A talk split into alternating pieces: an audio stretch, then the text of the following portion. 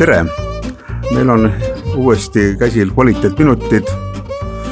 me oleme stuudios kahekesi, Eve Rohtla, kuuskümmend pluss toimetaja. Ja mina, Aimar Altosaar, ajalehe Postimees toimetaja. ja meil on täna äh, käsil teema, kuidas Eesti on kujundanud, kuidas Eestis on kujundatud vanemaealiste poliitika, kas seda on üldse vaja,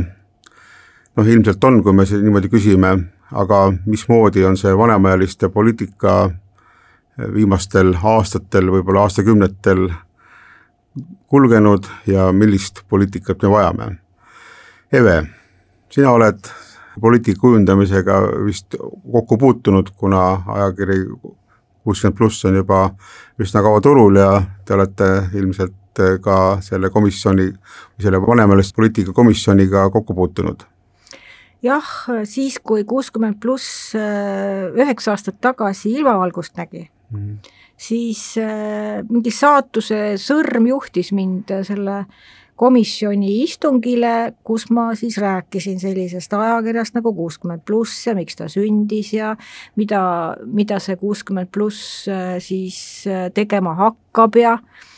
ja mida mina peatoimetajana ette võtan ja, ja pidin selgitama, miks selline ajakiri sündis oli siis ümber laua terve suur seltskond, ennekõike muidugi meesterahvaid ja siis seal igaüks targutas ja rääkis ja selgitas ja arvas, et tuleb arendada ja tuleb parendada ja aga tuleb tõdeda, et ligi kümme aastat hiljem on see olukord enamasti samasugune, kui välja arvatud see, et ikkagi iga aasta aprillikuuses see pension pisukese juurde saab ja ja, ja igal aastal enne valimisi käib siis suur võitlus, et et missugune erakond siis pakub äh, kõrgemat pensionitõusu ja missugune siis erakordset pensionitõusu? no me räägime praegu vanemaealiste poliitikast äh, Eesti Vabariigis ja selleks organiks on Sotsiaalministeeriumi juurde moodustatud juba äh, aastal tuhat üheksasada üheksakümmend kaheksa vanemaealiste poliitika komisjon ja Eve äh, on, on, nagu ta just ütles, nende komisjoni istungitel varem osalenud ja kuidas sulle tundub, Eve, kas äh, selle komisjoni tegevuse tulemusena on meil pension tõusnud või hoolimata sellest tegevusest? no pension tõuseb sellepärast, et see on seadusesse sisse kirjutatud, et ükskõik mm. missugused erakonnad seal vastu rindu taovad iga valimiste eel, et nemad on pensioni tõstnud ja nemad on selle kõige taga siis äh, tark lugeja ja televisiooni vaataja ja raadiokuulaja teab, et, et see on iga-aastane indekseerimine on seadusesse sisse kirjutatud ja sellel on oma valem, mille järgi siis see pension tõuseb. erandiks on siis tõepoolest nüüd see mööduv aasta, nii nagu sotsiaalminister ka äsja ilmunud ajakirjas kuuskümmend pluss kinnitab, et kui nad ei oleks ette võtnud erakorralist pensionitõusu, saanud koalitsioonis sellekohast kokkulepet, siis pension ei oleks mitte sentigi tõusnud,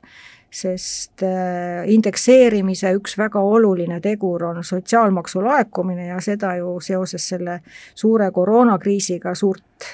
riigikassasse ei tulnudki. et see on siis üks selline tegur, mis, mis määrab iga-aastase pensionitõusu indekseerimise teel et selle koha pealt nüüd selle valitsuse otsus ja kokkulepe erakorralise pensionitõusu asjus on, on nagu asjakohane. muidu ei oleks pensionärid mitte midagi juurde saanud. aga jah, vanemaealiste poliitika komisjoni teenet ma täpselt ei tea, aga see oleks võib-olla ka ülekohtune nüüd hinnata siit kõrvaltvaatajana, et nad ei ole mitte midagi teinud, sest äh, ka vanem ja elukogenud inimene teab, kuidas tegelikult otsused sünnivad, et me ei tea, millised vanemaealiste komisjoni liikmed on sotsiaalministri kõrval käinud ja talle midagi selgitanud ja rääkinud ja põhjendanud ja ja oma, oma arvamusi avaldanud, tihti seda nimetatakse peenema sõnaga lobitööks,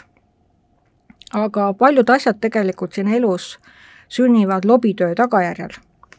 ja, ja lobitööd ei tehta mitte komisjonide laudade taga, vaid väljaspool neid, tubades, teistes tubades, kohvinurkades, suitsunurkades ja, ja koridorides. ja võib-olla õhtuti ka kusagil muudel kokkusaamistel. Ja, ja selle koha pealt ei oska mina öelda, kas see on päris mõttetu seltskond või on siiski seal ka üht ja teist selgunud ja, ja keegi on oma kuldse käe kuhugi, kuhugi külge pannud. No aga ometi selline komisjon on moodustatud ja juba üsna ammu, järelikult on selle järgi teatud tarvidust tuntud ja noh, ma arvan, et vanemaealiste teema on olnud kogu aeg ühiskonnas siiski oluline. Ja kui nüüd vaadata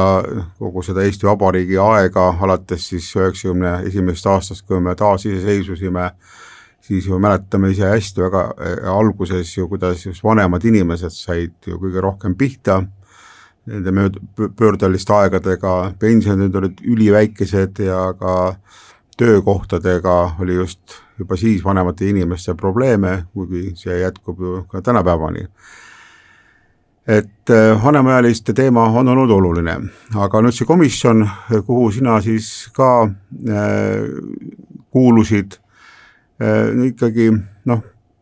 mis, mis mõtted sul ikkagi seoses sellega on, et kuidas äh, nüüd see komisjon peaks nagu töötama või mida sealt oodata, sest ka kui, kui me räägime sellest lobi tegemisest, mida sa nimetasid väga õieti, et asjad sünnivad siis, kui poliitikutele ja juhtidele keegi suudab midagi selgeks teha, aga kusagilt need ideed äh, sünnivad. et kas see komisjon äh, seda rolli võis täita, et ta ikkagi noh, seal toimus mingid arutelud ja võis siis loota, et selles arutelude tulemustena sünnib mingisugune äh, Äh, otsus või noh, ettepanek, mida siis võiks mõni poliitik juba otsuseks vormistada, kas selliseid, äh, selliseid arutelusid toimus? ausalt öeldes on sellest juba nii palju aega tagasi, et ma päris täpselt isegi ei mäleta, millest me tookord rääkisime. aga üks valupunkt oli vanemaealiste kooskäimine ja seltsielu et tol korral me rääkisime sellest, et, et miks see on oluline ja miks vanemaealine ei kipu sinna minema ja ja neid seltse, seltsinguid, ühinguid, liite ja, ja muid niisuguseid klubisid on ju üle Eesti hästi palju. et aga vanemaealine on ikkagi üksinduses ja ega ta ei kipu sinna minema ja et kuidas, mida teha või mida ette võtta, et siis need üksinduses vaelevad ja, ja, ja, ja tegelikult äh, midagi teha tahtvad inimesed sealt koduseinte vahelt välja saada. et see oli küll üks teema ja ma arvan, et see on jätkuvalt teema. aga ma ei ole kindel, kas äh, see on lahendatud, ma arvan, et seda ei ole lahendatud selle tagajärjel sündis küll suur ja, ja, ja võimas ja läbi mitme lehekülje lugu ajakirjas kuuskümmend pluss, kus me kaardistasime kõik Eesti pensionäride klubid ja, ja ühendused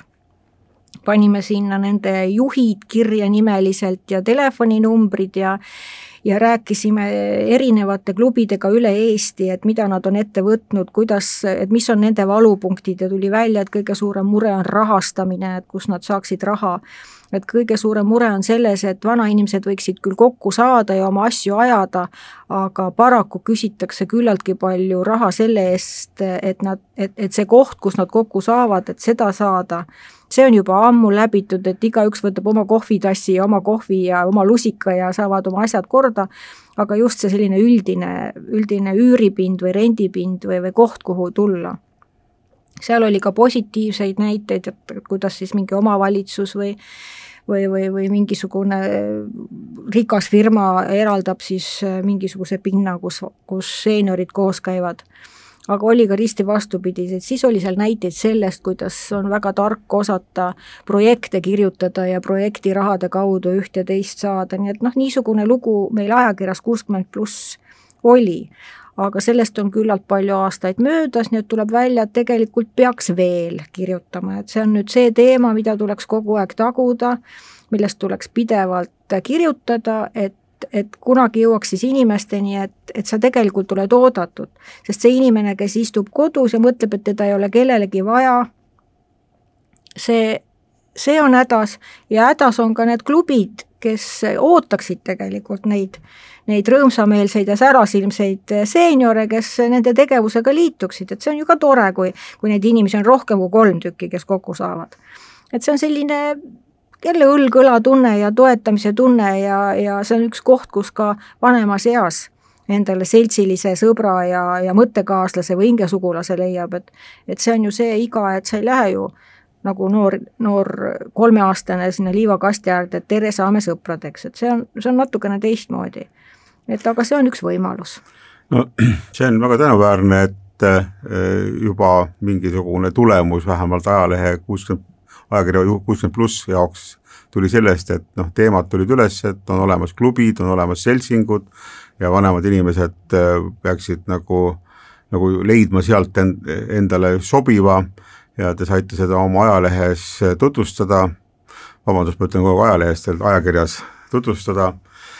aga ometi, kui me räägime vanemaealist poliitikast laiemalt, siis eh, noh, kahtlemata see vaba aja veetmine on üks koht ja, ja kui poliitika kontekstis on tegelikult oluline just nimelt, mismoodi riik siis seda saab toetada ja seda sa just ütlesid, et seda tuge noh, te nagu ei märganud, et klubisid on, on seltsinguid, on ideid, aga eks mingi ressurss võiks ka olla siis toeks, et noh, neid kõiki plaane saaks ellu viia ja see poliitika, mida siis riik ajab, peaks ka olema, väljenduma ka siis selles, et ressursid on tagatud. aga nagu ma aru saan, nende ressurssideni vist ikkagi noh, ei ole jõutud või vähemalt piisaval määral või et sellest nüüd mingi suurem muutus oleks toimunud. aga ma küsin nüüd, Eve, sa olid seal, nagu sa ütlesid, aastad tagasi, aga mingil hetkel sa siiski nagu ei käinud enam selles komisjonis, et äh, miks sa siis nagu eh, loobusid, et ajalehest sai nagu täis kirjutatud? ma arvan, et see ei olnud niimoodi, et mina oleksin loobunud, sest et ükskõik kui mõttetuks me mingisugust jutuajamist ka ei peaks, äh, nagu siin eelnevast jutust selgus, üks väike tõetera või väike ivakene ikka igas, igas omavahelises jutuajamises ju selgub. kui see lihtsalt niisama mõttetu üksteise otsa vahtimine ei ole aga, aga meil, meie poliitika on ju selline, et koalitsioonid tulevad ja lähevad ja valitsused kukuvad ja moodustuvad uued.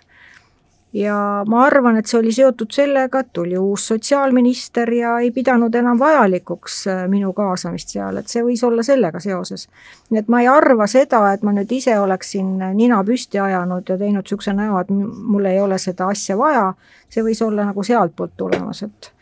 et ma, ma ise ei loobunud no sellest me loeme välja, et see vanemaealiste poliitika ajamine on ikkagi olnud noh, väga nagu hektiline ja, ja juhuslik ja on sõltunud siis äh, poliitikast või siis millise, millised on parasjagu valitsuskoalitsioonid, et noh, hää, et nüüd see vanemaealiste komisjongi on olnud, aga ilmselt see komisjoni koosseis on ka muutunud vastavalt siis valitsuste koosseisule. Äh,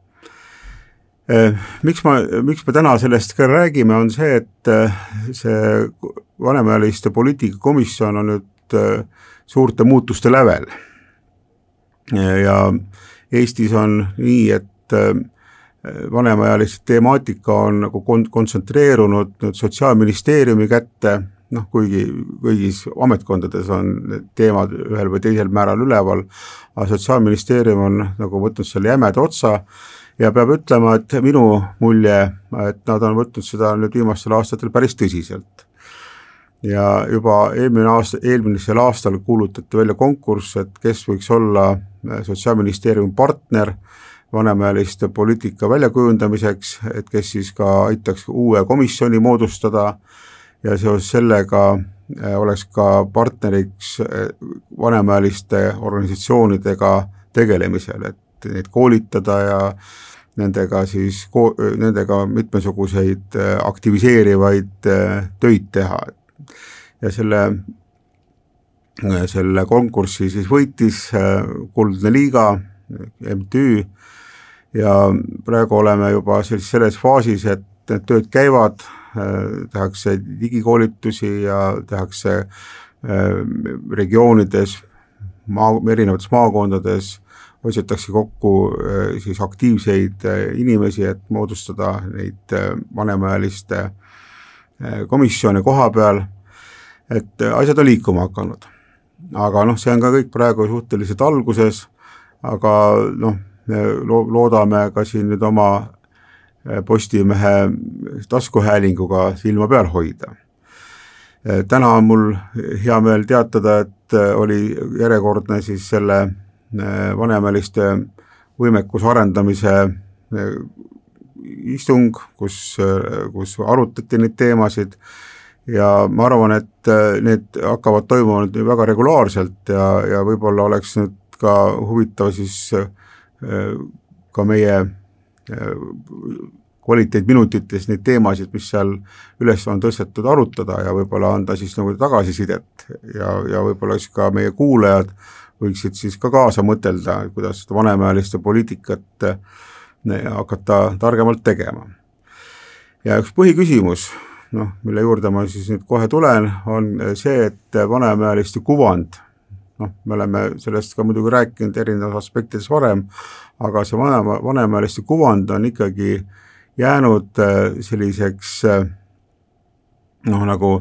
mingis mõttes nagu nõrgaks või, äh, või selliseks teisesordiliseks, et et ei võeta enam, enamasti sellistes noh, noorte, noort, nooremate inimeste poolt juhitud organisatsioonides või ka ametkondades vanema inimeste temaatikat eh, nagu sellise noh, ühe osana normaalsest loomulikust tegevusest, vaid vaid neid püütakse nagu eh, kuidagi tõrjuda või siis teha see asi kuidagi hästi nagu lihtsustatuks ja ja võib-olla nende vanemate inimeste nagu inimlikke huvisid ja võim-, võimeid mitte arvesta, mitte arvestades. ja nüüd ongi äh, see suur teema ühiskonnas, mida siis see vanemaealiste komisjon ja seda siis vastavalt ka kõigi, kõigi äh, muude äh, tegevuste kaudu peaks teha, on see maine äh,, maine noh, parandamine või, või ütleme nii, et kuidas tuua vanemad inimesed uuesti noh, inimeste sekka. et, et teisisõnu öeldes, et kuidas teha ühiskonnale selgeks, et vanem inimene on ka inimene, elab, hingab, sööb ja magab. ja et ei eristataks, et ei oleks nagu niisugune segregatsioon, et et kui on juba vana, siis noh, parafraseerides siis mõnda poliitikut, siis kui on vana, siis neid tõusta, eks ole, et, et me peaksime nagu mõtlema nagu laiemalt ja see on nüüd asi, millega me saame kõik, kes selle peale mõtlevad, tegeleda ja vanemaealiste komisjon Sotsiaalministeeriumis on ilmselt üks kohtadest, kus, kes hakkab seda tegevust ka nagu koordineerima või tähelepanu juhtima. kuidas sina nüüd vaatad, kas kuuskümmend pluss võiks ka olla selle komisjoni tegevusega jälle uuesti kokkupuutes ja, ja kajastada seal äh, räägitavat ja arutatavat? jah, kuuskümmend pluss äh, nagu juba öeldud, on kuukiri, ehk siis ilmub üks kord kuus ja kui seal seal komisjonis äh, tõsiseid ja murettekitavaid ja, ja seeniore sügavalt puudutavaid teemasid kajastatakse, siis, siis see, siis see edastamise või sedastamise või, või artiklite kirjutamise osa ajakirjas kuuskümmend pluss ei saaks olla kindlasti see, et et me istusime, arutasime ja jõudsime sellisele järeldusele, vaid just sel moel nagu ta ka siin aastaid tagasi juhtus, et kui, kui leitakse mingisugune valupunkt, siis, siis seda tuleb põhjalikumalt ja, ja süvitsi minnes kajastada, nagu need klubi teemad. et kindlasti on, on see komisjon üks, üks selliseid kohti, kus, kus need mured välja tulevad, nii et et ajakirjanik peab kindlasti olema seal, kus muredest räägitakse. nojah, kindlasti on ajakirjanik seal, kus räägitakse muredest, aga, aga ajakirjanik võib olla ka seal, kus räägitakse ka rõõmudest, eks ole, et meil, et tegelikult äh, ma vaatan see Ülle Alti ettekande teksti, et tema toob ka välja siin nii-öelda valge poole, et äh, noh, on juba ikkagi ka erinevates meediakanalites räägitakse inimestest, kes siis on nagu vanemaealisi nagu aitavad ja õpetavad ja kaasavad. Ja noh, praegu on minu arvates puudu meil küll üks suur asi, et premeerida või esile tõsta ettevõtjaid, juhte, kes on vanemaealisi rohkem kaasanud,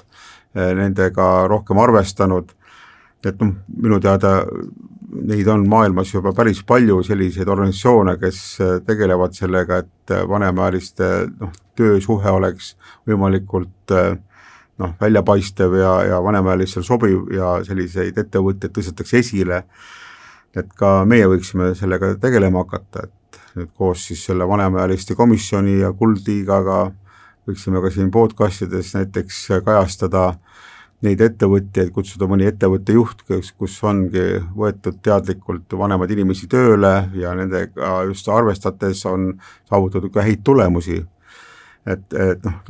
lihtsalt selliste konkreetsete lugude ja materjalide põhjal julgustada kõiki teisi seda tegema. kahtlemata, see on väga hea mõte, nii teemegi nii, ja ma arvan, et me oleme esimese ringi selle vanemaealiste poliitika sissejuhatuseks ära teinud, aga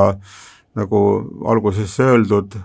ma arvan, et see on algus, sest et vanemaealiste teema muutub iga aastaga järjest olulisemaks, sest et ühiskond vananeb ja me peame sellega arvestama, see ei ole mitte midagi hullu, siis kui me ise suhtume sellesse positiivselt ja oleme selleks valmis jah, siin ei ole midagi teha, see tuleb, kas me tahame või ei taha. me kõik vananeme ja, ja sellest tuleb võtta positiivne, kõik see, mida see meile head annab. ja kui, kui nüüd mõelda, et oh kui kole ja oh kui hirmus ja, ja vanainimesed on ju sellised, kellel ei ole sentigi hinge taga, siis tähelepanu, tähelepanu, vanemaks saavad ka miljonärid ja on juba suur hulk äh, teokaid äh, ja, ja tublisid ja jõukamast klassist inimesi, kellel on palju rohkem raha kui, kui kellelgi teisel, nii et ettevõtjad ja, ja igasugused ärid või firmad, kes pakuvad teenuseid ja tooteid, ka neil tasub hakata mõtlema selle peale, et vanemaealine seltskond on, on see inimgrupp, kellele tuleks palju rohkem tähelepanu pöörata. ja seda me teemegi